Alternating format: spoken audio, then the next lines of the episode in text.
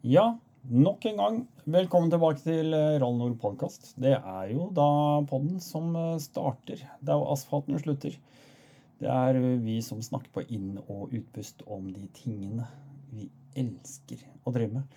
Altså, eh, rett og slett, eh, det må sies at eh, denne podkasten hadde ikke vært eh, i live. Hadde det ikke vært for patrons. Patrons som støtter med stort og smått eh, med et lite beløp i måneden. Og eh, takket være dem så har jeg da plutselig litt grann eh, kronasj til å fuele de plattformene du finner podkasten på. Tusen hjertelig takk til alle dere, og tusen hjertelig takk til alle dere som møtte opp på Rally Nord Patrons treff her for noen uker siden. Vi hadde en fantastisk langhelg fra torsdag til søndag med rollbooks, mat, koselig samvær og alt dere kan tenke dere av hygge.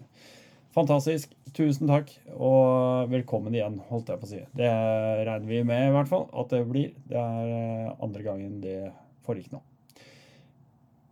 Og så denne episoden er jo da gitt ut i samarbeid med Backhand 3MC. Uh, Ole Kristian, uh, som er, står i det i tykt og tynt 24-7, leverer som bare det. Det er uh, selvfølgelig alt det du trenger av Eller det meste av det du trenger til en god adventure. Det er alltid fra dekk og verktøy og slitedeler det er eh, oppakning, ikke minst, og diverse andre ting. Og noe jeg er veldig, veldig glad for, det er eh, den demperservicen som jeg har fått hos Ole Kristian. Den har vært helt fabelaktig. Men jeg har lovet å si fra hvis det er noe jeg ikke liker. Og dette her er faktisk en liten eh, personlig dom. Og la meg være veldig tydelig. Når jeg sier personlig, så er det min subjektive mening, og den trenger ikke å gjenspeile andres meninger eller pålegge deg å ha en mening som min. Men i fjor testa jeg faktisk eh, Som dere vet, så er jo Ole Kristian leverandør av Motos. I fjor testa jeg Motos Tractionator Desert HT. Det var et dekksett i 140, 80, 18 og 90, 121. Det er to ting, eh, holdt jeg på å si. To ting, selvfølgelig. Det er et fordekk og et bakdekk. Eh, bakdekket er altså noe av det grøveste jeg har sett i mitt liv. Eh, det ser ut som at det kan skremme faen på flatmark, bare ved å kikke på det. Det har noen noe av de største, altså da mener jeg høyeste knottene jeg har sett på et bakdekk noen gang. Og med det så kommer det en bakdel som jeg eh, umiddelbart skulle få oppdage, og det er at det bråker noe helt sinnssykt. I hvert fall de asfaltkilometera du måtte finne på å bruke det på. Men det er ikke bare det. Det bråker faktisk på hard grus også. Altså, det, det er ikke et pendlerdekk, for å si det sånn. Så hvis du har tenkt å kjøpe et kult eh, adventure-dekk eh, og kjøre litt fram og tilbake til jobb, så skal jeg love deg at du kommer ikke til å høre motoren engang. For det uler noe så helt infernalsk. Men dekket hadde grep, det. Eh, jeg har ikke oppdaga noe dårlig med det dekket. du, du, bruker eh, ca. et halvt tiår på å slite ut. Eh, det har for meg sittet veldig greit, eller godt nok, på mot asfalt. Så der fikk jeg ikke noen overraskelser. Og det tar tak, og det kommer fram der hvor du måtte følge for. Når det kommer til fordekket, så uh, har jeg uh, noe dårlige ting. For det første, det er et grovt uh, dekk. Motos er vel australsk, så vidt jeg vet. Og Kanskje Australia har litt andre underlag enn det vi er vant til. Så jeg skal ikke dømme det på bakgrunn av at det er å si at det er et dårlig dekk. Eh, det er bare kanskje ikke det beste dekket til våre nordiske forhold. Er det mulig å si det på en mer diplomatisk måte? Hvis man ser litt på det dekket, så har det altså noen eh, knotter på sidene som sitter ganske tett og jevnt. Nesten sånn at når du får uh, hurtig rullehastighet, så danner det akkurat som det er en slags kam, istedenfor at du har knotter med god klaring imellom. Og jeg mistenker at det er grunnen til at jeg i fjor mista grepet totalt og uforberedt et par anledninger i sving eh, som gjorde at jeg gikk ordentlig på trynet. Skikkelig hardt på trynet. Og jeg har ikke gått uh, to ganger på trynet utenom uh, på bane uh, på mange, mange, mange, mange år. Så det der det kom rett og slett ut av det blå. Og ut ifra det har jeg blitt veldig skeptisk til det dekket. Så Motos Tractionator Desert HT det krysses av på lista for min del, og har prøvd. Har ikke tenkt å prøve igjen. Så OK, jeg skal være helt ærlig og si det. Det er min dom, og min alene. Uh, og så vet jeg ikke. Det kan jo hende andre sitter med samme oppfatning. Uansett. Det er altså sånn at uh, denne episoden, den er jo da med Runa Grydland. Og um, det, var, det var veldig artig. Altså hun har kommet som en komet de siste to årene, og de fleste har vel nå opptaket uh, Off She Goes på sosiale medier. YouTube og Insta har tatt henne imot med åpne armer, og over natta, altså bokstavelig talt, har hun fått flere tusen følgere. Snakk om å treffe riktig algoritme på rett tid, sier nå jeg. Med sine videoer og reiseskildringer sitter nå over 40 000 abonnenter på YouTube og venter på hennes neste fortelling, og 57 000 venter på Instagram-bilder. Det må sies å være en bragd sett med norske øyne, ikke minst med tanke på at det dreier seg om et internasjonalt publikum. Nå har hun ikke fått uh, anerkjennelse av ivrige telefon... Uh, bare fått uh, anerkjennelse av ivrige telefonbrukere, men merker som Giant Loop, Klim og selveste Huskverna har jaggu gitt henne sin velsignelse. Det er bare til å ta seg hatten av for. Og jeg blir mildt sagt glad for at de som har valgt akkurat Runa til å promotere for dem. Hun har rett og slett beina godt planta på jorda, ifølge den praten jeg har hatt med henne, i hvert fall. Hør mer fra dama sjøl når hun forteller om veien fra gammal intruder til Norden 001.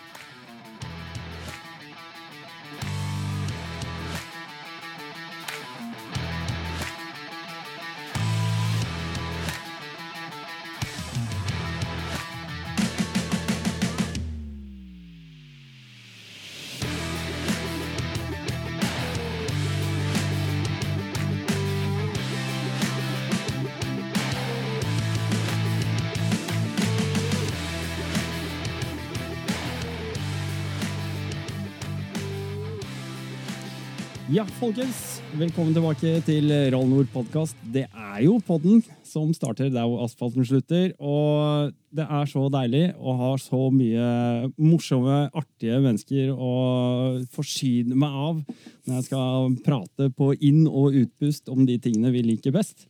Og eh, i dag er det jo absolutt ikke noe unntak. Dette her er jo virkelig, eh, jeg vil si, en skikkelig tøff dame vi skal prate med.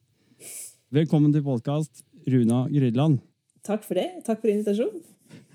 Du, det er, eh, det er litt kult, da. Vi må bare si det sånn, eh, sånn at folk veit det. Vi prøvde dette her for et par uker siden. Ja, det gjorde vi. Det gikk Ja. ikke så bra. Det gikk ikke så bra. Nei, jeg fikk meg en liten, eller var helt i startfasen av en lungebetennelse, så det endte egentlig bare opp med masse hoste og hark og, og puste og pess. Så ikke så hyggelig å høre på. Jeg syns faktisk ganske synd på deg, for det er en sånn kjip situasjon å havne i. Litt sånn anstrengt. Jo mer du prøver Ja. å ikke hoste, jo verre blir det bare. Så Ja, jeg merka på deg at det her, det her det er, ikke, det er ikke noe vits i å prøve å fortsette. nei, nei. Men det er gøy. Men du har fått deg noen tabletter og en uh, liten kur, og da tenker jeg du er litt bedre form i dag, i hvert fall. Det tror jeg jo. Men jeg kan ikke love at det ikke utslipper litt ost i ny og ne, men uh, jeg tror vi skal ha et bedre utgangspunkt i dag enn vi hadde sist. Veldig bra. Du, ehm, Runa. For de som ikke kjenner deg, hvem er Runa Grilland? Ja, det er artig spennende å prøve å fortelle. Kort fortalt. Eh, 29 år gammel. eh, Mm. Bor for øyeblikket i, eh, på Ålgård i nærheten av Stavanger. Med nyinnflytta med min eh, samboer. Ja. Er ikke herifra, som dere sikkert hører. Jeg har en ganske imponerende flytte-CV. Begynte liksom, i Nord-Norge, og så har jeg bare jobba meg nedover, oppover, hit og dit. eh, litt underveis. Men nå bor jeg da her nede i, i Stavanger-området. og har tidligere jobba som sykepleier, og nå har jeg tatt litt andre veier etter hvert. Det skal vi komme tilbake til, for Mhm. det er en veldig interessant uh, sak. Mhm. Absolutt. Men eh, litt, skal vi ta den, da? Du, du sier du kommer nordfra. Det er jo Dialekten skjuler jo ikke det egentlig. Nei, Hvor var det hen? jeg er født i Narvik, Ja. men jeg har bare bodd der i sånn fire år. Ja. Eh, Så jeg har egentlig bodd mest i Trøndelag, faktisk, av alle plasser. Aha. Ja, Så du har en sånn god miks av det er alle veldig mulige ting? hjemmelaga dialekt etter hvert. Det har blitt det. Umulig å ljuge på at det ikke er deg som prater. Nei. Ja. Jo, jeg har en tvillingsøster, da. Hun snakker ganske likeens, faktisk. Så Så ja. det hender at vi blir litt sånn blanda når vi, hvis de bare hører hører talen vår. Ok. Er det enegga òg? Nei, langt Å, nei. ifra. Vi er okay. veldig, veldig forskjellige. Ok, så det blir ikke sånn fullstendig kaos når dere mikser? Nei, Nei, ikke helt krasj. nei det er bra. Men eh, ok, vi er eh, Skal ikke jeg begynne med helt fra du sto ned i fjærsteina for første gang, for det, det er litt sånn uinteressant. Men, men, eh, men det som jeg syns er litt interessant, da, for du sendte meg jo på en måte en liten sånn presentasjon av deg selv uh, i utgangspunktet. Og da, var- da var det jo sånne ting som bueskyting som jeg syns var veldig interessant. Mhm. Ja, Fortell. det er ikke så mange som har eh, et forhold til, egentlig. Nei. Eller i hvert fall i Norge så er det ganske lite miljø. Um, men nå er det sånn at jeg kommer fra en veldig liten plass, Roan på Fosen, det er der jeg har bodd lengst, Mm. Eh, hvor det egentlig ikke skjer så veldig mye. Det var, det var et fotball- og håndballag en liten periode når jeg var yngre, eh, og så bestemte mine foreldre seg for å starte en bueskytterklubb, for faren min har alltid hatt interesse for bueskyting og på jaktbiten. da. Ja. Eh, Så da blir det litt sånn når det starter noe nytt, så blir man med, og så prøver man. Og så gikk det jo egentlig veldig bra. Ja. Det gikk så bra, faktisk, at Det gikk så bra at eh, i løpet av ett år så vant jeg mitt første NM og ble med på eh, landslaget. Ja. Og så, eh, etter to år, så flytta jeg nedover til Sandefjord for å gå på toppidrettsskolen der nede. da var det sånn type rett etter tiende klasse. Stemmer. Da var jeg 16 år. Ja. Mhm. Så Pakka var det og flytta alene. ned. Bare pakke i snippeksken og si at eh, takk og farvel, nå drar jeg og skyter litt bue og studerer litt på egen hånd. Ja, nå skal jeg prøve det. Se hvordan det går.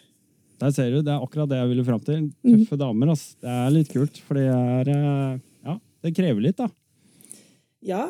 Eller Det er er litt sånn- sånn der jeg kommer fra, da, at du må flytte på hybel når du blir 16 uansett. For det er ikke Ja. noen videregående skole i nærheten. Så Nei. jeg var litt sånn én time unna, eller 15 timer unna. Det er helt vanlig. Ja. Ja, jeg skjønner. Nei, men, eh, men du um, Fortell litt mer, for eh, Jeg vet at det går jo ganske bra etter ja, hvert. det gjør det.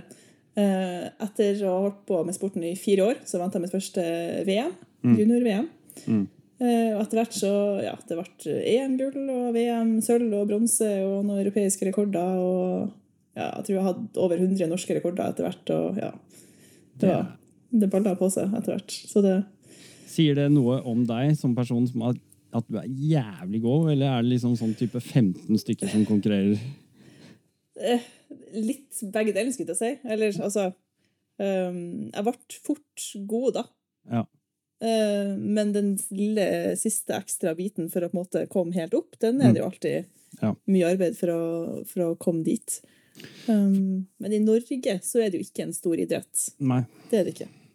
Men det er akkurat det jeg vil fram til. Altså, fordi at det er, det er den der siste kneika som du pusher. Som du, det er der du må legge inn innsatsen, liksom. Mm. Alle, alle de der grunnleggende tingene det tror jeg vi alle kan liksom bare lære oss. Ja. Og så, og så går den der terpinga. Den time etter time er, Mm. er det noe som Det er vasken til hun er lei av oppe. Som lager sånn helt umenneskelige lyder innimellom. Åh, Ja, det er nydelig. Ja. Ja, men det, det liker vi. Um, ja, litt sånn hus med eh, lyder og sånn i, det ja, er ja. greit. Det er Det sånn bakgrunns, bakgrunnsmusikk. Jeg skal tipse NRK. Ja. NRK bør ha et sånt studio. Du, um, nei, akkurat det, det, er, det er det jeg mener. At um, det, det, det sier litt om en person da, som, som uh, på en måte går inn i modus og egentlig velger å kjøre en så ren linje da, eh, for å lage en karriere innen sånn som du gjorde med bueskyting.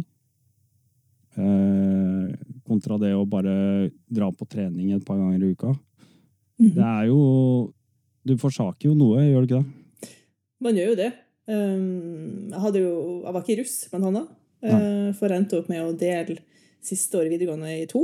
Um, Så da røyk russetida. Det har vært veldig særdeles lite festing og, og den biten. Mm. Um, alt jeg hadde av penger på den tida Jeg levde på borteboerstipend, som er hva da, 4000 Ja. Stemmer. Ja. Og så går tida et halvt til leie. Mm. Uh, Fikk etter hvert stipend fra Olympiatoppen uh, to år på rad. Alt det røyker med til husleie. Uh, Så det er litt sånn hvis man har lyst, så får man til. Ja. Men eh, det, det har sin pris. Det har det. Men eh, jeg vet jo også det at når du ikke skyter med bue, eller skøyt med bue, eh, så hadde du andre interesser også. Ja. Jeg har jo Mm. vokst opp med foreldre som har vært veldig opptatt av friluftsliv Mm. eh, fra vi var små. Så det har jo fulgt meg egentlig hele livet. Ja. Det har det. Ut på tur. Samme slags vær. Mm. Det var Ja. noe, ingen bønn. Trøndelag, der velger du ikke være Du gjør ikke det. Nei. Du gjør ikke det. Der er det Ja, du får litt av hvert på samme dag. Samme timen omtrent. Det er veldig interessant. Hva, hva har den type frihet betydd? Hva har det betydd for deg opp, eh, fram til nå? Det er kanskje mer nå i senere tid, når jeg på en måte har blitt voksen, at jeg har skjønt hvor fint det har vært. da, Og hatt Mm. med, og fått med seg den bakgrunnen og den kunnskapen som vi har med oss med friluftsliv. og ja, den, bare den kunnskapen om å, om å være ute, og generell fornuft, egentlig. Friluftsliv, fornuft. Mm. Um, for det trodde jeg jo som var sånn som alle hadde, egentlig, når jeg vokste opp der jeg vokste opp. Men etter hvert som jeg har kommet, liksom flytta en del, og så skjønner jeg at det er jo slettes ikke alle som har det utgangspunktet. Nei.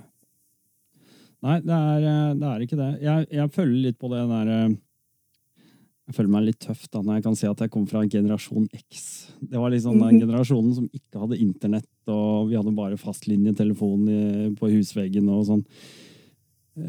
Det var eh, rett og slett ut og bort og ringe på og høre om kompiser var hjemme. eh, Ut og leke og liksom være ute. Det, det var liksom Det var det, det vi kunne gjøre. Ja. Det var ikke noe internett, det var ikke noe spilling, det var ikke noe Altså, sånn type. Det, det var jo ja, Ja. helt fjernt. Jeg tror man sitter igjen med ganske mange bedre minner, kanskje. Det er kanskje farlig å si, men eh, litt mer eh, håndfaste minner enn bare skjerm, kanskje. Jeg tror, jeg tror man får en helt annen type hvis man, sånn som du har vært ute og driver med friluftsliv, man får et litt annet perspektiv, man får litt andre evner. Mm. Eh, og så istedenfor å sitte og spille, som sikkert har masse, masse gode sider, altså det er ikke, jeg skal ikke blåse noe her, men, men det å interagere eh, direkte fysisk med andre mennesker ute, Mm. og være nær, og det å liksom eh, ja, kunne se folk i øya, for å si det på den måten. Samarbeider på en helt annen måte eh, mellom fysiske ting. Kjenne på de samme fysiske utfordringene. Det tror jeg det er, det er et bedre menneskelig konsept. Ja. Enig. Men nå sitter vi her online og ser på hverandre for skjerm. Ja, og bare, det blir jo bare bedre og bedre jo mer vi skal snakke om det her. Livet mitt er jo inne i skjermen omtrent, så Ja, det er akkurat det. Du, jeg, jeg, jeg, har jo Du eh, går på skolen og utdanner deg etter hvert til uh, sykepleier, er det det? Mhm, stemmer. Og så har du, har du jobba i ambulansetjeneste, har du det? Nei, på legevakt i Legevakt. Mm. Akkurat. Jobba først et år i um, Ørland kommune i Trøndelag, Ja. på en sånn korttidspost. Og så ville jeg prøve noe nytt. Jeg er jo litt spontan av meg, da. Og Ja. har en tendens til å bare si ja til ting sånn underveis. Ja. Så da ble jeg tilbudt en eh, sommerjobb egentlig i Stavanger kommune, på legevakten. Skulle bare okay. være der i et par måneder og teste hvordan det var. Og nå har det gått Det var i 2019. Det er fire år siden. Nå er jeg her ennå. Der har dere kanskje litt av fordelen med å bare bo i en bag. Ja. Man blir jo blir vant til det. Det er liksom ikke så farlig hvor man er henne, eller hva man har med. Ja, Herlig. Ja. Men det oppstår jo noe, da, når du eh, får den eh, jobben. Fordi du er jo litt interessert i fritidsaktiviteter. Mm -hmm. Bueskytinga er kanskje lagt på hylla for en liten stund? eller? Hvordan er det? Det var ikke det når jeg flytta ned hit, Nei. eh, men det gikk jo bare et halvt år, så kom det korona til Norge. Ja, det var det det var. Ja. Og da ble jo alt av treninger og konkurranser og alt avlyst. Det skulle være NM faktisk den helga. Eh, på en måte Ok. Norge stengt ned. Aha. Så jeg var egentlig i toppform. Jeg har aldri vært i så, så god form som jeg var da, da i, i skytinga. Det er er bare- mange, mange som ble slakta i den perioden. Altså. Jeg har hørt andre også, toppidrettsutøvere som snakker om det. liksom. De, Mm. de pika så jævlig akkurat da, og så og så bare bare nope. rasert alt som var. Mhm. Folk som ikke fikk gjort ferdig sluttspillet og sånn, som var i nærheten av liksom, tap og trofeen. Og... Ja. Nei, det var- det var kaostider. Det var spesielt. Det var det. Heldigvis så er det inni minnet mitt så er det helt sånn glemt. Det er to år som bare er sånn tomrom, som en vakuum. Som Ja. bare, de bare, du var i det, og så Nå kan ikke si at Det er helt, helt merkelig. Jeg kan ikke se for meg liksom, det å gå på butikken med munnbind igjen, og all det her testinga, og hvis du er litt klø i halsen, så er det karantene, og Ja. jeg har fortrengt nesten alt av det her. Ja, Det er helt Ja, det var helt sprøtt. Åh, jeg er glad vi er ferdig med det, også. Ja, bank i bordet. Wow. Ja, vel. Det, det måtte jo da selvfølgelig ut, byttes ut med noe annet. Ja. Jeg kan jo ikke ha ingenting å gjøre. Selv om Nei. jeg jobba veldig mye en periode, så fant jeg jo etter hvert ut at uh, det her var jo en fin tid å ta lappen på. Det var ikke så mye annet å gjøre uansett. Nei. For motorsykkellappen den har jeg alltid tenkt at jeg skulle ha på et tidspunkt. Mm. Mhm. Var det et eller annet som havna foran mikrofonen din nå? Den datt ned. Ja. Skal vi se. Jeg har festa den med elektrikertape på sida her. Skal vi se om den har lyst til å holde litt til. Sånn, skal vi se. Der. Der, ja. Ja. Vi kjører. Ja, da ble det plutselig å melde seg på til kjøretimer, da. Mm. Hvorfor det? Jeg har jo vokst opp med foreldre som begge to kjørte motorsykkel i sin tid. Mm. De møtte faktisk på motorsykkeltreff når de var i sine glansdager. Eh, Så det alltid, jeg har alltid tenkt at det var noe jeg har lyst til å gjøre. Jeg har vokst opp med å se i deres album fra når de var på tur nedover Europa og Skottland og syra på og var på treff og sånn, og syntes at det så jo veldig kjekt ut. Mm. Men så er det jo snakk om å både ha tid og ikke minst råd til å gjennomføre det. Det koster jo litt med både lappen og kjørestyret det er krav til å ha, og så skal du gjerne sitte igjen med en sykkel Ja, når du er ferdig også. Så mm, det er kostbart. det, Det, det det blir blir ikke noe billigere heller, de der kjøretimene. Jeg veit ikke hva sånt koster nå om dagen, ja, men det er nok ikke gratis. Har fortrengt det. Ja, Det, òg. tenker ikke på det. Åh, nei, jeg, nei, det har ikke jeg tenkt å tenke på heller. Mm. Jeg var faktisk og prata med en kjøreskolelærer i går. Lagde en podkast i går om uh, saker og ting. Det var okay. interessant. Veldig interessant for en gammel uh, kar, holdt jeg på å si. Og Sikkert liksom- mye input. Uh... Ja, litt andre ting. Men eh, vi snakka om veldig mye interessant. Eh, Det tar vi i en annen podkast. Det har ikke noe med nå. Men eh, det blei i hvert fall førerkort etter hvert, og eh, så var det bare å dra og kjøpe sykkel, da. Ja. Eller jeg kjøpte jo faktisk sykkelen før jeg fikk lappen, for jeg regna jo med at selvfølgelig skulle jeg stå oppkjøringa og sånn.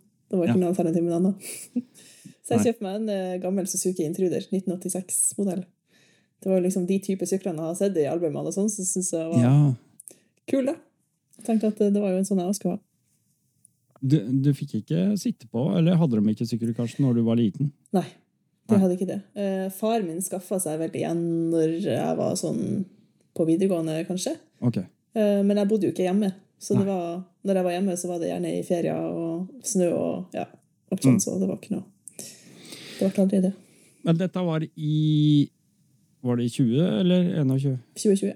2020 var det. Ja. Um, og så tøffa du litt rundt på den her, Mhm. Og det Ja. Eh, 14 dager etter at jeg kjørte opp, så pakka jeg jo på tekle og sovepose og full pakke, for det var det jeg ville. Jeg tok Ja. jo lappen mest fordi at det så ut som en kul måte å, å reise på. mm. Um, ikke for å kjøpe så fort og hardt. Uh, og fant jo etter hvert ut at det kanskje ikke var den sykkelen som var best egna for den type kjøring. da. Etter at han har gått tom for bensin på motorveien et par ganger. For det var ikke noe tankmål eller noe sånt. Og så er jeg litt distré og glemmer litt når jeg egentlig fylt og hvor mye som er igjen. Og ja. ah, Et par ganger, ja. ja. Det Slo det deg at du noen gang kunne ha med deg en liten sånn liter? Jeg hadde en sånn, Du har det her gamle lærbeholderne med sånn flaske som henger frampå gaflene på syklene. sant? Ja? En sånn en hadde jeg. Så hadde med en liten liter, så det, det gikk stort sett veldig bra. altså. Ok. ok. Kom okay. frem. Nei, men det er bra. det er bra. Jeg så for meg liksom bare NAF og Viking og Nei, nei, nei, det har jeg til gode ennå. Ja, det er morsomt. Uh, ja, men den sykkelen den, eh, den egna seg tydeligvis ikke så mye til den turen du kanskje drømte om. Nei, gjorde ikke det. Så da begynte jeg å se meg om etter noe som var litt mer egna, og da rota jeg meg inn i det her YouTube eh, Ja, hva skal jeg si, YouTube-hullet med bare Det var en helt ny verden som bare åpna seg med alt mulig der inne. Det var helt, Ja. helt utrolig å oppdage det. Ja, Det er noen tøffe damer der ute òg. Ja, det er det. Oppdager jo fort uh, Itchy Boots og On Her Bike og alle de her jentene som reiser rundt uh, alene. Mm. Og det var jo mye inspirasjon i det. Ja, det er, eh, det er faktisk veldig kult. Og, og, og det Det er litt sånn rart å ta igjen det vi har prata om en gang før, for vi var inne på det. Men jeg, jeg syns det er litt tøft å se på fordi, og følge med på, fordi eh, i- damer har en litt annen approach til hele den settingen og den altså måten å reise på. Og eh, måten de vil framstille det de opplever, og i det hele tatt. Um, har, du, har du lyst til å si om du har opplevd noen sånne forskjeller? Er det noen forskjeller du mener å legge merke til? Ja.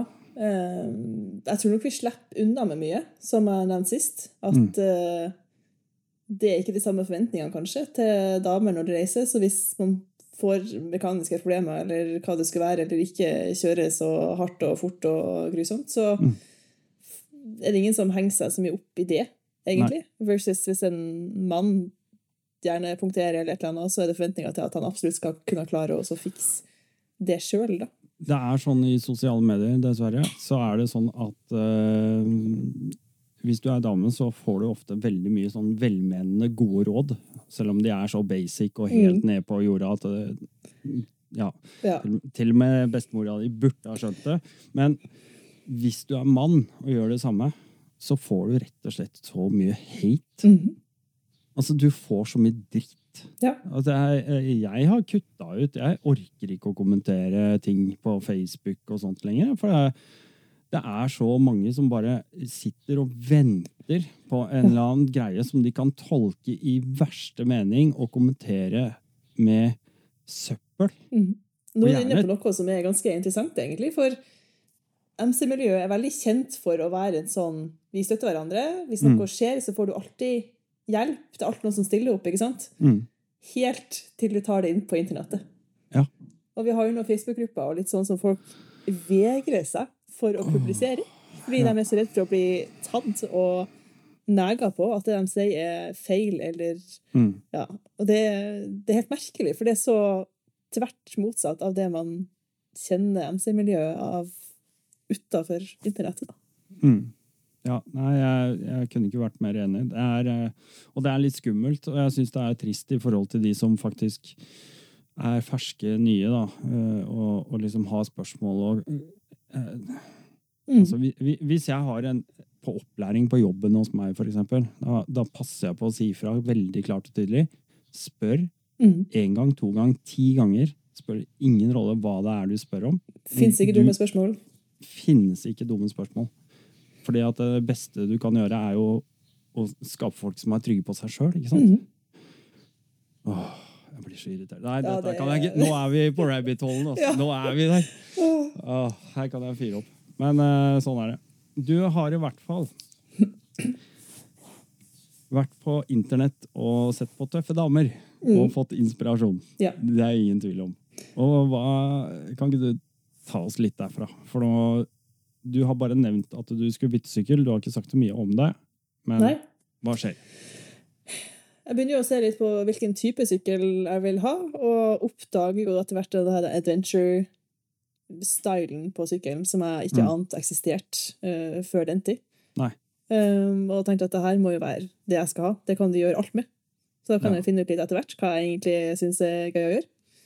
Um, så da var det inn på Finn, og så se hva som var i nærheten, for jeg ville jo ha den min nå med en gang. sant? Kan ikke, kan ikke å vente med. Så Sitter ikke og dveler ved pengebunken. Nei, nei, nei. nei. Herregud, jeg hadde jo jobba som sykepleier i covid-tiden. Det var jo overtid, eh, hytte og pine der. Så Ah. det ble en brukt eh, KTM 790 Adventure Mm. standardmodell Bent med å kjøpe her i Stavanger-området. da. Ja. Mm. Og det var egentlig midt i blinken. Det var helt merkelig første gang jeg satte meg på den, og liksom satt så høyt og Nei, det var helt merkelig følelse. Nesten ikke bakkekontakt Nei. eller noe. Men jeg ble veldig fort vant til det. Men du- ja, du, du venner deg fort til det, og så finner man ut at åh, her var det deilig, her var det behagelig. Mm, bremser som faktisk funka og sånt. Det, helt, det skjedde ting når jeg Ja. Kunne, kunne de ikke det i 1986? Nei, ikke helt det samme. Ja, ja, jeg skjønner. ABS og Nei, det var ikke måte på. Det var så high-tech at eh, Bare luksus. Ja. Former det seg en idé etter hvert? Altså, jeg regner med det. Hvordan var første turen din? Kan ikke du bare ta oss inn på den? Den første turen din sånn oh. Nå skal jeg ja. Eh, jeg bodde jo i Stavanger da. Eh, skulle over til Østlandet og besøke familie. Ja. Har mine mor mi og søstera sånn bor i Hønefoss, Oslo-området.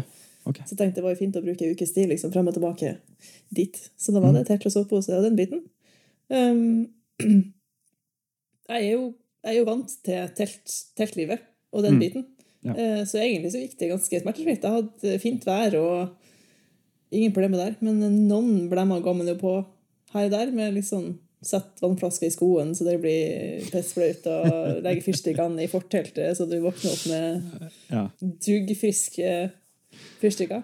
Åh, Men Dette- ellers gikk det veldig fint, altså. ja. Men uh, da var du litt bitt. Ja, jeg var bitt. Mm. Det var ikke noe tvil om at jeg ville gjøre det her igjen. Mm. Og det var en tur på fem dager. Eh, Og bestemte meg fort at neste turen min det må jo være litt lengre enn det. Mm.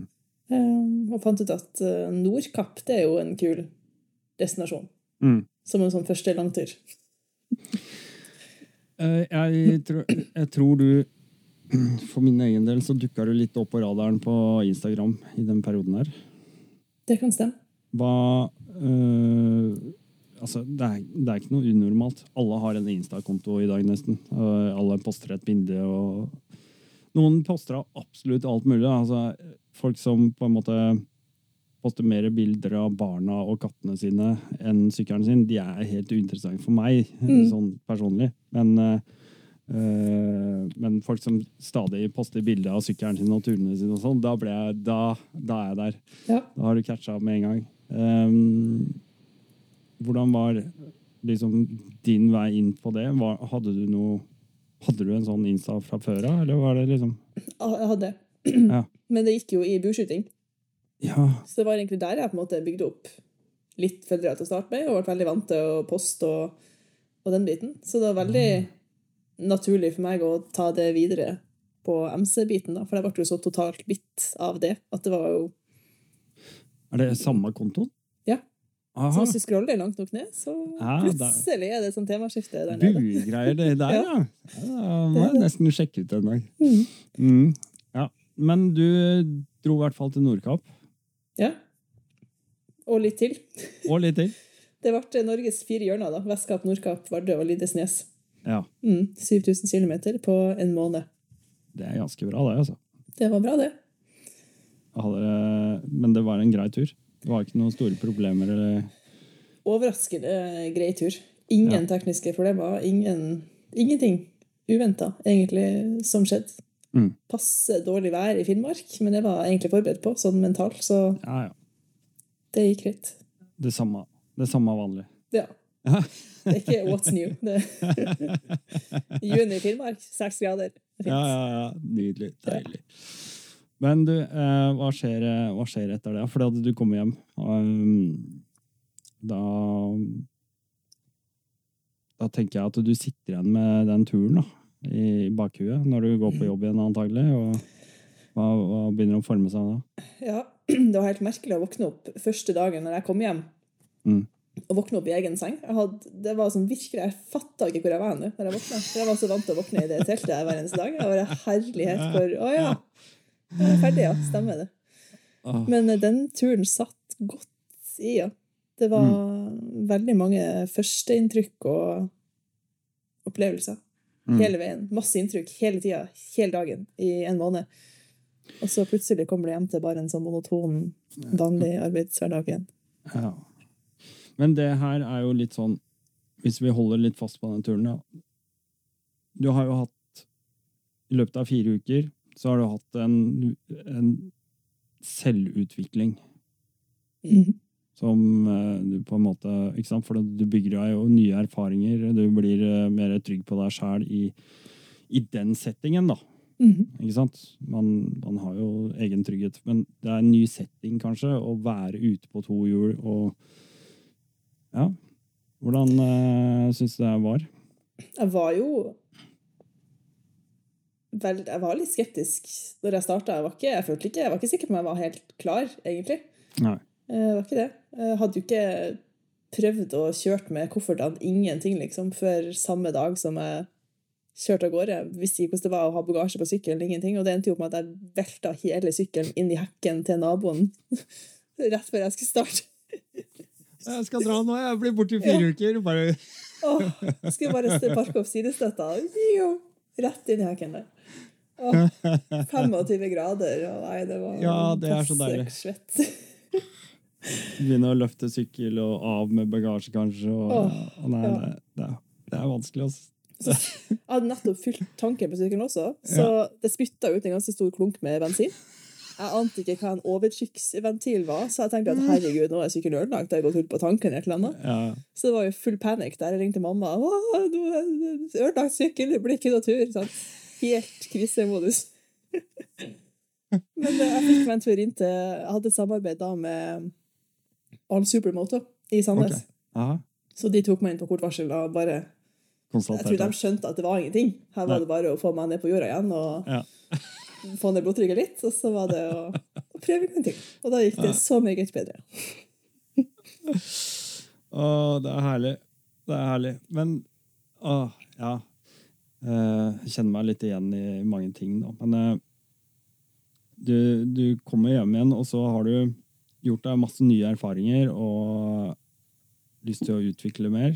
eh, Lyst til å utfordre mer, kanskje. Ja. Hvordan eh, utarter det seg? Jeg tenkte jo at eh, nå kommer jeg hjem, og så er det enten sånn at jeg er drittlei og tenker at herregud, hva er det jeg har holdt på med? Det her, eh, nå er vi ferdig med det. Eller så er det helt hyperfokus. Nå er det kun det som gjelder, og det var jo sistnevnte Mm. som skjedde der, da. Ja. Så det gikk jo bare noen uker før jeg pakka på sykkelen igjen og dro på en ny tur. Og tenkte at, For planen min første turen var jo egentlig å filme det. Jeg ville Ja. jo på en måte dokumentere hele Ja. prosessen her. Ja. Så jeg hadde jo kjøpt inn GoPro, og alt var jo pakka med en hel sidekoffert der fullt av utstyr. sant? Hadde med PC og alt mulig. Ja. Men det ble rett og slett så mye nytt på én gang Ja. At det, det tok hvert fokuset fra alt. Og jeg prøvde et par dager å liksom filme og den biten, men det tok vekk gleden i hele turen. Så jeg bestemte meg egentlig for at det her blir for mye nytt på en gang. Jeg får bare legge bort det, og så får jeg bare prøve å være på tur og kose meg og kjenne om jeg faktisk syns det her er greit eller ikke. Før jeg bestemmer meg for å trykke trynet inn i et kamera hele veien og, og den biten. Så da pakka jeg det i en posteske, så sendte jeg det hjem, rett og slett. ja. ja, det er ikke noe vits i å dra på sånne dødting. døde ting. Jeg har, det, er, det er tungt òg, vet du. Ja, det veier noen kilo. Det veier mye. Mm. Jeg har også dratt på sånne turer hvor jeg nesten ikke har brukt noe av utstyret. Mhm. Jeg har med meg liksom kilovis med kabler og mikrofoner og alt mulig, og så bare ikke brukt en dritt av det. altså. Nei. Det jeg har brukt mest, er den der bitte lille som jeg får plass til i hånda. liksom. Ja, for den får pakke gjerne i, i eh, Ja, lomma, jeg i så du kan bare dra den opp i ny og ne. Den I stedet for å drive og. Ja, det har vært så deilig noen ganger å bare ta opp den isteden og bare gi faen i alt det der. Mm. Det er så Spetakkelet. ja, Det tar mye tid. jævlig. Jeg tror folk undervurderer hvor sinnssykt lang tid og hvor mye Ja. Ja, kan ikke du ta oss litt på det, ja? Fordi at um, had, Hadde du noe sånn videokameraerfaring fra før? Ingenting. Ingenting. Det Du bare kjøpt masse utstyr, du har sett på Itchy Boots. Nå skal du kopiere, eller ikke kopiere, men nå skal du gjøre din gjøre versjon. Ja. Din versjon av dette her. mm. Det var jo, Læringskurven er jo sånn inne på det her YouTube-akademiet, skal jeg si. Ja, Ja. Jeg har sett masse sånne tutorials der inne. Mm. Så jeg la ut på en tur til og tenkte at nå skal jeg ha litt fokus på Og ikke nødvendigvis, det har ikke så mye å si hvor jeg kjører hen, eller hvor langt jeg kjører, eller hvor jeg havner hen. Nå skal jeg bare prøve å filme og se Mm. hvordan, hvordan det går. Mm. Og det gikk overraskende fint. Ja. Eh, Jeg tror jeg var litt bedre mentalt forberedt på det. Og så var liksom kjøring, kjørebiten var litt mer Det var ikke noe stress lenger. Nei. Så jeg tenkte ikke så mye på det. Um, perfekt var det langt ifra. Når jeg ser tilbake på de filmene jeg har laga der, det er ganske mye Ja, det er ikke kjempebra kvalitet, men det, det var en start. Det er eh, absolutt en start, og det er litt sånn eh, Det er litt av dette som jeg har prøvd å si. Altså Prate med en tøff dame, da. Fordi eh, det krever litt. Det krever en innsats. Det krever eh, Altså, du må ha en målretning, da. Mhm. For å, å sette i gang. Og kanskje på veldig mange så ruller ikke ballen fort nok til å begynne med heller. Mm. Og så blir man veldig sånn der, tafatt og oppgitt og, og har lyst til å gi faen. og er ikke sikkert dette var så lurt allikevel. Og sånn. Ja. Og der er jo den derre stayer-evnen, da. Det å liksom bare fortsette og fortsette og bare måke på, liksom. Mm. Ja, men uheldigvis, skulle skal du si Eller uheldigvis, vil noen mene, ganske sta. så når jeg først begynner med ting, så har jeg tendens til å klore meg litt fast i det. og ja. Nei, jeg vil jo si at heldigvis, da, for, for alle oss andre også, som eh, liker å følge med og sånt, nå, så er det kjempekult, da. Ja. Det har jo blitt, eh, blitt en greie etter hvert. Men hva skjer? Det er, eh, du legger ut, jeg vet at du, du legger jo ut den der første Den andre turen din, da. Mm. Der legger du, er det sånn dag én, dag to? Er det ikke noe sånn Jo, Ja, stemmer det. Ei ukes tid der. Ja. Hvordan, tar du, hvordan tar du det derfra? Det tok meg jo et halvt år å få ut alle de episodene. Én Ja. Ting er jo liksom å lære seg å filme og den biten, og tenke at eh, kanskje Det det, liksom er det vanskeligste. sant? Det er det letteste. Oh no! Så begynte jeg med redigering av den biten, og herlighet, det var Ja. Det var en ny verden, det òg. Det var mye knoting og mye, mye læring i starten der også. Herlighet. Jeg har brukt mye tid på det. Hvis du er litt sånn som meg, eller jeg, jeg sier det rett ut, jeg er en sånn data-null. Altså, Ja. jeg, jeg, jeg, hater Egentlig jeg er ikke glad i det. Nei. Jeg har skjønt at jeg har behov for det, og jeg må bare lære meg de tingene jeg må lære meg. Men da, da er man jo så tunglært, ikke sant? Mm. Og så ja, famler man seg fram, da. Ja, og så litt dårlig tålmodighet. Jeg, liksom, jeg vet jeg vil bare kunne det, det Ja. men jeg må lære meg det. Og den Ja. læringbiten er jo det er jo interessant, men jeg vil helst bare hoppe over hele biten og så bare gå rett og kunne det. Men du møtte Thomas Hansen på et eller annet eh, tidspunkt, gjorde du ikke det? Jo, Da det var, den, det var under den turen, faktisk. Så møtte Ja. jeg han. Ja. Ja, det, han har vært en sånn, han er mitt leksikon, egentlig. Hver gang jeg Mhm. lurer på et eller annet, så sender jeg melding til han til hans eh, innimellom store frustrasjon. Det hender jeg bare skipper hele Google-biten og så bare 'Thomas, fortell meg'. Men han har så mye erfaring og, Ja. og, og sånn å dele av, så det har vært uh, stor verdi i det. Altså, altså, han er så sinnssykt flink Mm. til å lage de videoene. Og så er, legger han ingenting imellom, og det digger jeg. Hvis du spør om en ting, så får du svar. Det er Mm. ikke noe, det er ikke noe pynting på det. Nei. sånn, så jeg liker det sånn. Ja, det er bra. Altså. Nei, jeg, jeg, jeg, Han kom faktisk med kritikk til meg også. Vi hadde en episode, og så ringte meg etterpå og sa at du Hvis jeg får lov til å si en ting De der reklamegreiene dine, de er litt lange. uh, «Øh, ja, du har rett. Jeg hadde gått og tenkt på det så lenge at jeg, jeg, må jeg, må slutte med det. Jeg kan ikke ha sånne lange prater. Så da måtte jeg bare ta meg sammen og så bare lage noe som var kortere. da. Og holde meg innafor en sånn tidsramme, på en måte. Men så er det litt med hvordan beskjeden blir levert òg. Man kan Ja. jo si det på en eh, hyggelig, konstruktiv måte, eller man kan si det på en sånn drittmåte. Og da Ja, ja. Ja. Nei, men altså, For all del. Det var jo kun konstruktiv eh, kritikk. Det var ikke noe ment som noe annet. Så jeg tar det akkurat som det er. Da går det så meget bedre. Mm, det gjør det. Men du lærer i hvert fall å Du lærer av noen filmtriks. Ja. Eh, og så havner vi over i 21. Mhm. Stemmer. Hva skjer? Uh, ja, først I slutten av 2020 også, så var jeg en tur i Spania. Ja! Det var det. Jeg fikk låne meg en Det var um, Speed motorsenter. Ja. Eller Terje, egentlig, da, der, som starta en greie nede i Spania der, med guida touring. MC Touring Norway. Så Mm. de skulle ha en sånn åpningshelg. Um, jeg kjente ikke de fra før. Jeg hadde møtt Odd, i hvert fall, på um, strandtreffet Mm. i 2020. For da ble jeg invitert til å snakke om den langturen min. Um, og det var da jeg bestemte meg for at jeg skulle ha en, uh, hva nestesykkelen min skulle være.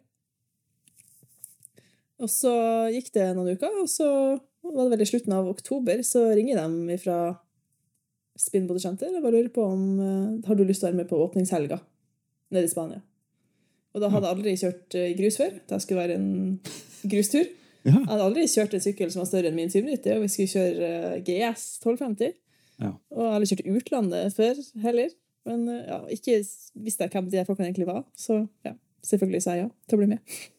Det er herlig. Det er det jeg mener. Altså, du må bare liksom gripe de sjansene og så bare hoppe på det og ta det. Og, Ja. ja. Eh, Never look back, på en Mhm. måte. Så, sånn, må ikke være redd for å prøve noe. Det er tøft. Men hvordan opplevde du det når du kom ned? Jeg vet du hadde mm, Som du sier, du hadde jo ikke kjørt en så stor sykkel før, da. Nei. Men de er jo veldig lettkjørte. Overraskende lett Mm. Veldig lik um, KTM-en på den måten, at de har vekta så lavt. Boksemotoren på den ene og så tanken på, på KTM-en. Ja. Um, men det jeg var mest spent det var jo gruskjøringa. Om jeg skulle havne i grøft der, eller hvordan det skulle gå. Men det Mm. var jo kjempeartig. Mm. Og de var veldig flinke til å ta det step by step opp, liksom, på, på vanskelighetsnivå. Så ja, det ga definitivt mersmak der og da. Men du var ikke med det mer enn en dag eller to, og så var du liksom på egen hånd, var det ikke det? Ja, jeg fikk jo, de var jo der den helga bare, og så fikk jeg låne en sykkel resten av uka. Så jeg fikk kjøre ei ukes tid alene der nede. Ja. Og bare suse litt rundt nede i eh, Andalusia-området alene i november. Det var ikke feil, det. Jeg kjenner det høres eh, akkurat nå, så ja, Nå er det lenge siden jeg har vært på tur, så når du sier sånn, så har jeg lyst til å dra sånn med en gang. veldig, veldig, veldig. Mm. Nei, men det er, det er bra. Da, da begynner du å knytte deg en del kontakter, da. Rundt omkring, i hvert fall. Ja. Hvordan eh, Dette var på slutten av sesongen. Ja. ja. Mm, I november var det. mm. ja. Det er ikke så mye igjen av den sesongen når du kommer hjem, i hvert fall. Nei, det var det ikke. Men det var akkurat nok tid til at jeg rakk å kjøpe en ny sykkel da, før året var omme. Ja. For eh, da valgte du noe nytt igjen. Ja. Jeg var jo som sagt på strandtreffet. Jeg Mm. hadde ingen intensjoner egentlig om å kjøpe ny sykkel. Det er sikkert mange som kjenner seg igjen i det. Um, så fikk jeg prøve en, en T7, en Yamaha Tenere 700. Mm. Og da var det bare, det bare Alt bare datt på plass. Sånn Sånn må det være. Ja, sånn må det være. Helt frelst med en gang. Um, så da bestemte jeg meg der da for at jeg skulle kjøpe den, da. Ja. Mm. Og det ble jo hos Speed i Sandefjord. Og da velger du jo eh, da, Eller da starter jo ny sesong med ny sykkel mm. og nye muligheter. Mm. Hva, hva har du gått og ruga på i tankene dine over vinteren? Oh. Hvordan, eh, hvordan har du liksom eh, planlagt året da? Det tok lang tid før jeg spikra hva jeg skulle. Det var én destinasjon jeg absolutt visste at jeg skulle til Mm. det året, og det var Island. Det var litt sånn Resten kan det er ikke så nøye med, men Island, dit skal jeg. Mm. Eh, men så ville jeg jo liksom Jeg var jo på tur fire uker sist sesong, eh, så jeg måtte jo litt mer denne gangen her. Ja, ja. Men skulle jeg ta alt i en smell, eller skulle jeg dele opp, eller sant? Valgets kval. Eh, Så endte jo opp med at jeg delte opp i tre turer på to uker hver gjennom sesongen. Så da var det to uker i Europa først. Eh, Nedover eh, Alpene, Sveits og Østerrike og den biten der. Mm. Og så var det to uker på, i Norge, på tett, egentlig. Jeg hadde hatt lyst til å lære meg å bli litt mer komfortabel og sikker på gruskjøring før jeg skulle til Island. ja. Mhm. Og så ble det Island i slutten av august og september. da. Fordi vi var fortsatt i koronaen da. Ja. Var det ikke det? Ja 21? Nei, det her var i fjor. 22. Nei, det, jeg hopper over, jeg. Ja. Ja. Ja, sånn er det. Nei, det var i fjor, ja. Men eh, Island, som du sier, den skulle du bare. Var det etter Itchy Boots hadde vært der? Nei, faktisk ikke. Eller var det noe du hadde hatt lyst til fra lenge siden? Ja, jeg hadde lyst til det før jeg fikk motorsykkellappen, egentlig, Ah. Eh, og besøk der. Mm. Og det er kanskje ikke tilfeldig at rett ved siden av albumet med motorsykkelturene til mamma, så sto albumet hvor hun var på Island Ah, med, med bestefaren sin. da. Så jeg har alltid tenkt at jeg skulle dit, men at det skulle bli på motorsykkel, det var ganske tilfeldig, da. Åssen er det å komme seg dit? Det er jo en eh, ganske lang affære, er det ikke det? Jo, det er det. Det kommer litt an på Man kan jo reise over dit og så bare leie sykkel eh, Mm. og ta en sånn guida tur. Og og da er det bare fly fram og tilbake. Men jeg vil jo ha med egen sykkel over dit, Ja. så da er det ferge fra Hirtshals i Danmark. Og det tar tre dager én vei. Så det er jo en uke bare på sjøen der for å komme seg fram og tilbake. Ja, det er en drøy tur, altså. Ja. Men det er jo da verdt den tiden. Ventetiden. Det var faktisk utrolig hyggelig tur, tur-retur, Mm. for det var jo masse andre motorsyklister der også. Ja, ja. Så da, selv om man egentlig ikke kjenner hverandre, så blir det veldig naturlig at man samles og så henger sammen på kafé og restauranter og snakker skit og er spent på turen som kommer. Og, ja. Mm. Så det var egentlig veldig, veldig hyggelig overfart. Men du var ehm, Du sa det sjøl, du var jo før du kom på Island, så hadde du lyst til å trene litt på grus og underlag og sånt. Så du Mm. var litt på tet, og jeg tror du også var på noen kurs, eh, eller litt sånn Ja, var det ikke det? Jeg, var, jeg starta med en dag med han Pål fra Ja. Grustur i øst. Han tok meg under vingen. Og, sa, ja. Så jeg kjørte en hel dag med, med han. Mm. Og fikk masse gode tips og triks der. Mm. Og etter det så var det tut og kjør på sett alene. Ja. Mm. Kult. Tett, ja. Det er jo, det er jo litt sånn et, et, Tetten har vi snakka mye om, da. Men det er litt sånn omstridt, for det er jo veldig enkelt. Det er alle har tilgang, det er bare å laste ned. Det er ikke noen store krav, bortsett fra den, den lille lista som, med krav som er der. Mhm. Som jeg vet ikke om alle gidder å følge engang. Men eh, veldig fint og, og sånn innstegs uh, innsteg, Et fint innsteg til å kjøre på grus, da. Veldig det sånn. nybegynnervennlige veier, Ja, ja. I hvert fall i Mm. Norge og til dels Sverige også, så er det jo det. Så Nei, det er bra. Mm. Det er tøft at du det Det virker som at det er flere og flere jenter nå som oppsøker grusen. Ja. Eh, virker som at det, de der eh, jentemiljøene eller damemiljøene de blir mer og mer sånn sammensveisa, og at det er mer kommunikasjon og bånd. Eh, jeg står bare på utsida og bare følger sånn med i side. Jeg har ikke peiling, men det virker som at det er tetner til litt. da. Ja. At det er veldig sånn blest i damemiljøet. Men det tror jeg er generelt i MC-miljøet. tror jeg. At det er liksom adventure Ja. og gruskjøring og sånn. Det er en Ja, kjempevekst i det, og kjempeinteresse for det. Mm. Mm. Uh, og ja, jeg vet ikke, ikke boots, jeg tror ikke det har akkurat uh, skada. Og liksom Nei. la folk få se hvor, altså, ja, hvor mye du kan gjøre, og hvor du kan kjøre, og hvor mye man kan få til alene.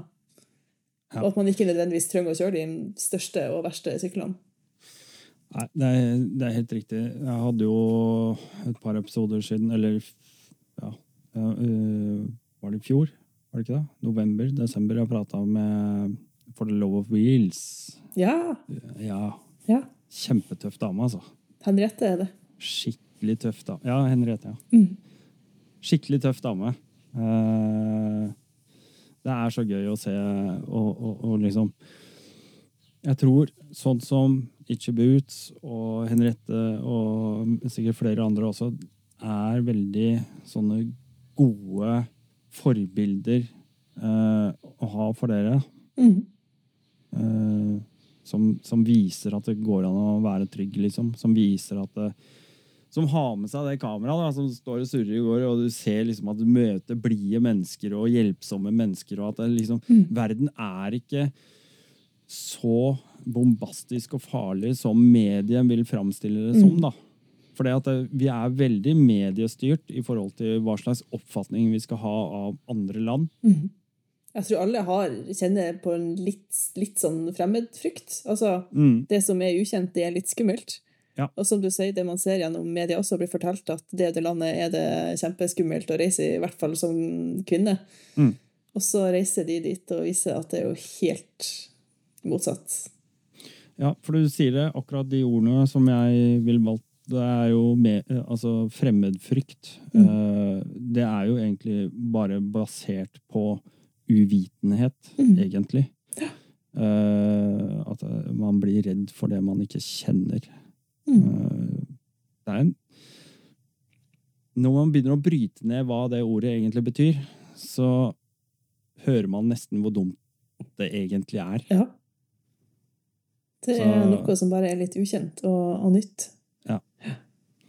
Hvordan er det når du har vært ute på tur? Jeg vet ikke hvordan, Har du vært i noen sånne situasjoner hvor du har følt på et ubehag? Nei.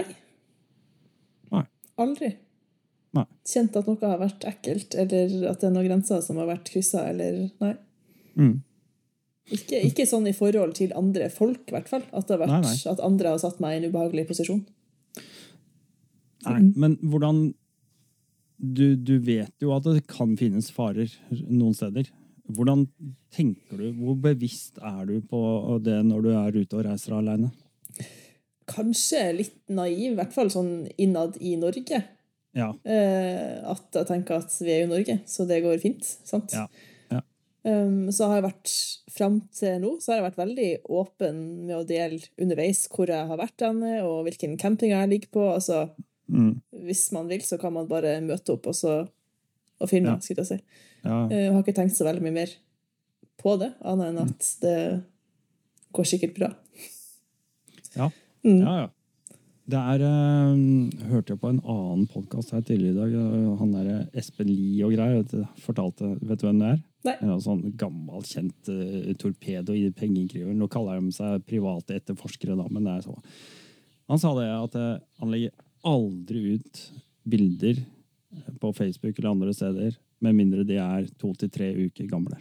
Mm.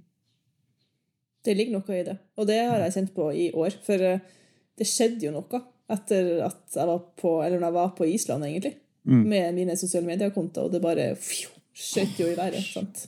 Ja. Det var 1000 nye følgere om dagen omtrent i, over lang tid. Så jeg gikk jo fra å ha Den sommeren så bikka Før jeg dro til Island, så bikka jeg liksom nettopp 10 000 følgere på Instagram. Og det var sånn wow! Shit! ja. Så kult! Det er mye. Skikkelig milepæl, liksom. Og så Ja. kom jeg hjem fra Island og hadde over 40 000 på bare liksom, et par måneder. Det er Så- helt sprøtt. Ja, helt sprøtt. Og det fortsetter frem til sånne juletider, og nå har jeg bikka 55 000. Så det Og det bare går jo tydeligvis eh, bare bedre og bedre. Ja.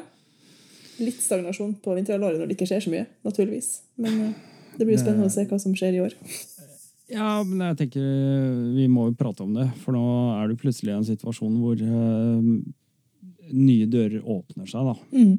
på en måte. Uh, skal vi ta Kan ikke du fortelle litt om hva som er, hva, hva er det som har skjedd i år? Eh, liksom, Ja, det har skjedd vi mye, hopper litt, gang. hvis det ikke er noe du, du, vi har glemt å ta med. Da, men Nei da, vi kan hoppe, hoppe rett til den. Um, jeg ble jo kontakta av et motorsykkelmerke som lurte på om jeg hadde lyst til å være ambassadør for de i år. Og det var Husqvarna. Mm. Skandinavia, vel å merke. Eh, og etter eh, en del møter og sånn, så sa jeg selvfølgelig ja til det. Så i år så er jeg ambassadør for Huskverna Skandinavia. Jeg så den videoen. Eh, jeg må si at det er Jeg, syns det var skikkelig kult, og jeg syns det var skikkelig tøft også av Huskverna å gå ut på den måten. Ja. Eh, jeg, må, jeg, må, jeg må jo si det at jeg syns han eh, åh, har jeg plutselig sto det navnet helt stille for meg. Uh, han uh, briten som kjørte Huskverna her i fjor. Uh, Lyndon? Ja, Lyndon Posket. Ja. Ja. Skal ikke si noe feil om Lyndon Posket, men han hadde liksom Han hadde litt for mye bakgrunn, på en måte, da. Mm. Hvis du skjønner hva jeg mener. Eh, det er sikkert en, en greie for Huskverna å, å skaffe han, men øh, De som har fulgt han veldig lenge, føler jeg er øh, Så ga han liksom ikke den riktige troverdigheten, på en måte. Nei. Det var, det var min mening, da. Ja. Jeg har ikke fulgt han så mye, Nei, egentlig. Så jeg ikke jeg synes, liksom, da syns jeg at det var eh, skikkelig kult at de velger å gjøre noe som er helt i andre enden av skalaen. da. Som, skal vi si, relativt fersk motorsyklist, mm. men allikevel veldig rising star. Altså, som du sier sjøl.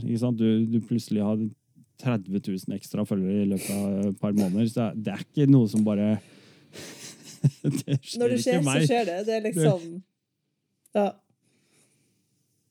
Hva var følelsen når du blir kontakta av Huskverna? Jeg hadde jo faktisk vært i dialog med et annet merke før det.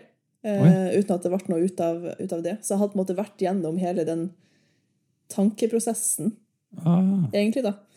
Um, og det som jeg tenkte veldig mye på, det var hvordan det ville påvirke min integritet uh, og meg som merkevare, skulle jeg si. Altså at jeg vil gjerne være meg. Jeg, er- Og så er sykkelen det sykkelen, men ja, jeg vil ikke Mm. bli hun Huskverna-jenta, da, hvis du skjønner. Ja. Um, men etter å ha snakka med de, og på en måte deres forventninger til hva det her vil innebære, så var det no-brainer. For det var liksom bare fortsett med det du gjør. Mm. Det er bare kjør sykkelen her i stedet. Ja, for det er egentlig det jeg litt sånn, kanskje det jeg prøver å si, eller prøver å si, det jeg kanskje sier uten at jeg tenker helt over det. Det er akkurat det du nevner nå, da. At uh, du går på en måte inn i dette her med et litt sånn der eh, blanke ark, på en måte, og eh, ja, Mm. det er tøft. Syns det er Ja. tøft gjort. Eh, Det har jo Jeg har tenkt ganske mye på det i år, faktisk, med tanke på, på sponsorer og sånn, for det har jo velta inn en del etter hvert. Mm. Nå har jeg jo i fjor, når jeg var på den europaturen min, så eh, ble jeg jo sponsa av Klim, så er jeg jo med de enda. Og så ble jeg kontakta av eh, Backcountry MC, og han satte meg i kontakt med Giant Loop, Mm. så jeg er blitt sponsa av de. Og etter hvert, det er bare den følelsen av å på en måte ikke bli en kjørende reklameplakat. Sant? Og at hvert eneste innlegg skal være en sånn push-produkter sånn i trynet på folk. For det blir så fort gjennomskua, og folk liker det ikke. Jeg liker det ikke sjøl. Hvis det hvordan- blir veldig, veldig sånn reklamebasert. Ja, hvordan balanserer man det? Jeg har jo hatt en veldig åpen dialog med de som sponser meg, da, om Mm. at jeg kan godt lage dedikerte innlegg for produktet. Eh, Med forbehold om at jeg kan være helt ærlig. Så hvis det er noe jeg ikke, faktisk ikke liker med det her, Mm. eller føler kan være bedre, så må jeg få lov til å si det. Mm. Og det, vi er i 2023, så altså alle skjønner at Ja. det er det som må til for å ja, bygging og, og, og bygge tillit da, i et merke. Så det er, det ingen som har et problem med. Men Ja. eh, ja. Nei, for jeg føler at uh, hvis du på en måte skal eh, promotere et merke, syns jeg også det er viktig at man tar opp de tingene man syns er negative. Ellers så kan man fort miste den populariteten da, hvis Mm. du blir gjennomskua. Da sitter man egentlig bare og kaster stein i glasshus. ja. Man gjør det. Uh, Samtidig som jeg har vært så avhengig av at de faktisk har blitt med da, og, og støtta meg, mm, for å kunne gjøre det jeg gjør. Ja. For å gjøre den drømmen virkelighet, ja. Ja, Så det er veldig sånn jeg, Ja. Men du, jeg har lyst til å spørre deg litt om det her. Um, Klim. Mm -hmm. uh, jeg, um, dette her med damekjøreutstyr. Mhm. Hvordan føler du at Klim takler den uh, altså, skal vi si, rollen som leverandør av kjøreutstyr til damer? Nå kjører jeg jo kun med én dress, det er jo den Klima Artemis-dressen. Jeg Og har jo Mm. ikke sett så vanvittig mye på det andre utvalget. Nei. Eh, Men det er jo, som med alle andre merker, desidert mest utvalg for menn. Mm. Det er det jo, uten tvil. Mm. Nei, jeg tenker bare på sånn generelt av alle leverandører, uansett. Nå, nå skal ikke jeg ta Klim her. Mm. ville, eh, det var bare en digresjon, på en måte. Fordi jeg føler at eh, Uten at jeg vet det. eh, Det er veldig lett for meg å gå inn og si at jeg skal ha en sånn dress, sånn dress. Altså, jeg har fått feil dress, jeg òg. Mm. Har fått dress, kjørejakke som ikke passer til meg egentlig. Mm. Men jeg tror at den utfordringa med å lage klær, eh, kjøreutstyr, som passer til damer, den er enda større. Mm. Eh, Rett og slett eh, på grunn av hvordan vi er bygd. Ja, og så tror jeg kanskje mange undervurderer viktigheten av å ha utstyr som passer riktig også. Ja. At eh, beskyttelsesplatene skal faktisk sitte på riktig plass. Ja. Det, det, det er greit nok at du kan gå med noe som er litt for stort og litt for baggy, men eh, det resulterer jo at ting flyter rundt og ikke er der de skal være når du detter i bakken. Det er helt riktig. Det er akkurat det jeg tenker på. Og så, og så ser man liksom at ja, det er fint eh, hvis, eh, hvis man har lyst til å være litt feminin og kanskje sant, vise noen former, eller kanskje ha noe fint eh, pryd, altså Mm. søm eller motiver eller noe sånt. Og det, det er jo bare kult, det. Men bruker leverandøren da for mye tid på liksom å skape eh, moten, Mm. eller eh, bruker de faktisk tiden på å eh, researche hvor, hvordan skal denne her bygges? Mm. Hvordan skal vi ha de sømmene? Eh, hvordan sliter eh, for eksempel damer forskjellig på buksene enn menn? Eh, Mm. Altså mange sånne ting da. Jeg lurer på, men det må jeg prate med en annen leverandør om, selvfølgelig. Men jeg, jeg bare blir litt sånn spissfindig på sånne ting. Mm. Men sånn er det. Så det,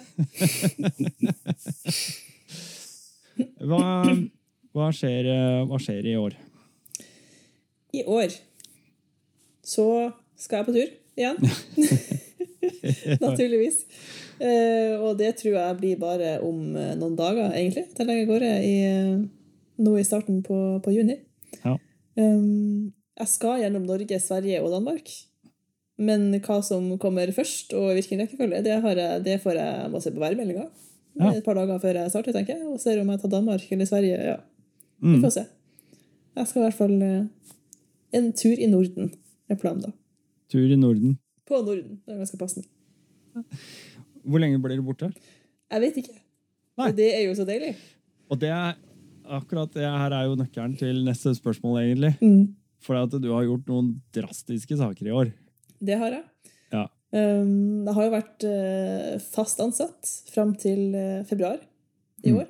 Og har vært veldig heldig med jobben min fram til da. Det var veldig sånn Jeg fikk fri når jeg hadde behov for det, med altså mm, trekke lønn, selvfølgelig. Ja. Men det var ikke noe problem å få fri til de turene jeg- jeg ville på. Um, men eh, nå i februar så sa jeg opp jobben og stifta et eget selskap. Så nå har jeg total frihet til å gjøre akkurat hva jeg vil, når jeg vil. Hva er eh, Jeg regner med at det selskapet det tar jo da hånd om alle disse sponsoravtaler og turer og kostnader og regnskap rundt det du driver med nå, da, eller? Eller? Um, ja. Det dekker jo litt. Det gjør Ja. det. Men eh, vi er langt ifra at det er noe levbart helt ennå. Nei, nei, det var ikke det jeg mente. ikke det, Men jeg regner med at det, det selskapet du stifta, på en måte er Mhm. I forbindelse med det du driver med nå. Eller? Både, nei, egentlig ikke. Å nei. Jeg har jo laga meg et enkeltmannsforetak som Ja. går på eh, motorsykkelkjøringa, og det jeg nå etter hvert tjener på, på YouTube. Ja. Men det her er helt på Det er ikke relatert Det er noe helt annet, ja. Det er Ah. bygging av, eh, av hjemmesider, websider, Ah, for små og mellomstore bedrifter. Så jeg, det jeg er kanskje litt for liten, jeg, da. Ikke, Som en bedrift. ikke i det hele tatt. Jeg bygger for enkeltpersoner ja. og, og små bedrifter. Så, Ah, jeg, jeg er helt håpløs på de der greiene der.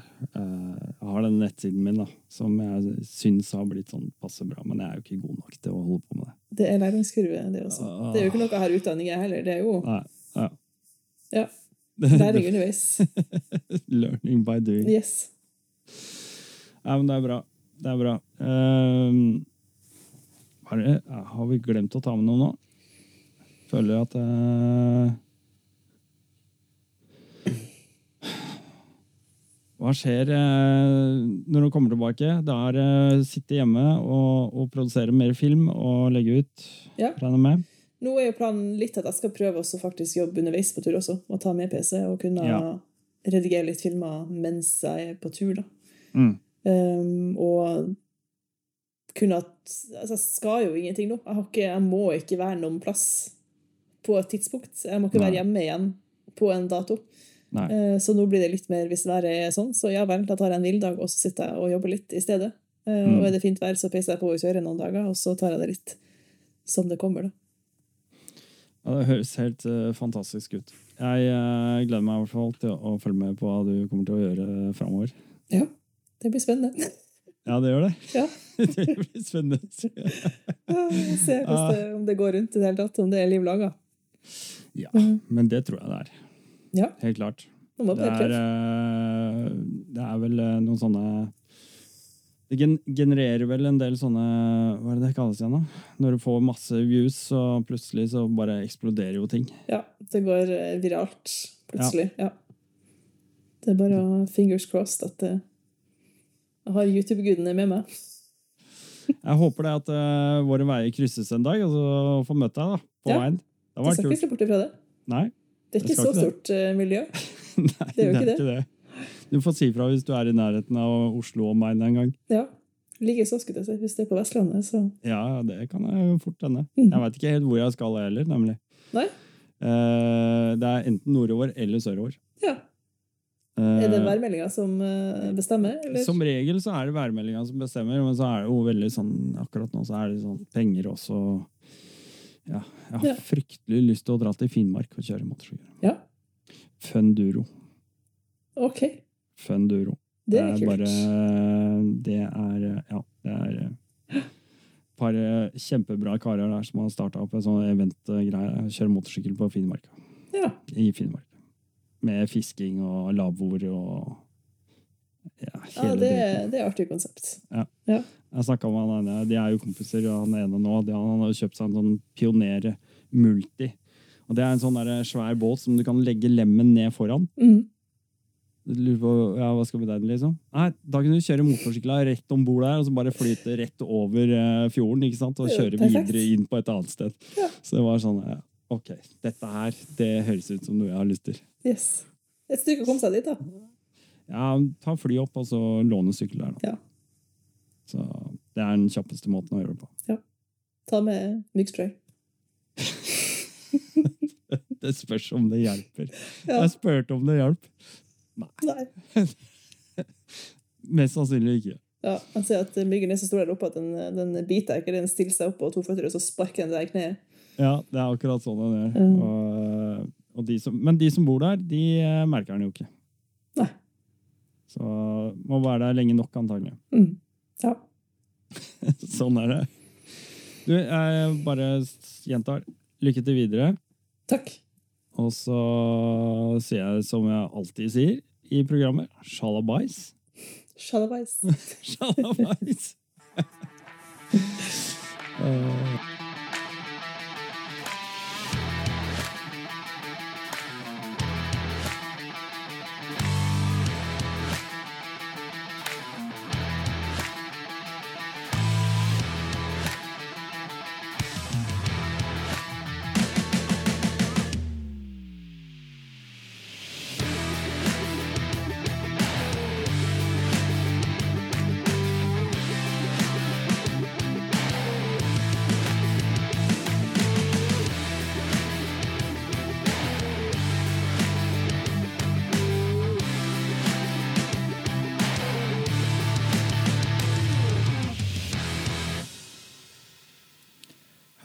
dette er Geir Uklestad fra Offroad Touring Jeg vil gjerne dele et lite mekketips som du kan ha nytte av. Jeg vil selvfølgelig ha forskriftsmessig lys på skiltet mitt. Finnes det et enkelt lys som tåler ristingen fra en offroad-sykkel? Et enkelt og robust skiltlys er f.eks. erstatte skiltskruene med miniblinklys med diodepærer. Du får dette i de fleste motorsykkelbutikker og rekvisitabutikker. Eh, koblingen, hvordan du skal koble dette til ledningsnettet ditt, finner du på www.otc-mc.org. Kikk litt videre der, så finner du ut hvordan man gjør det.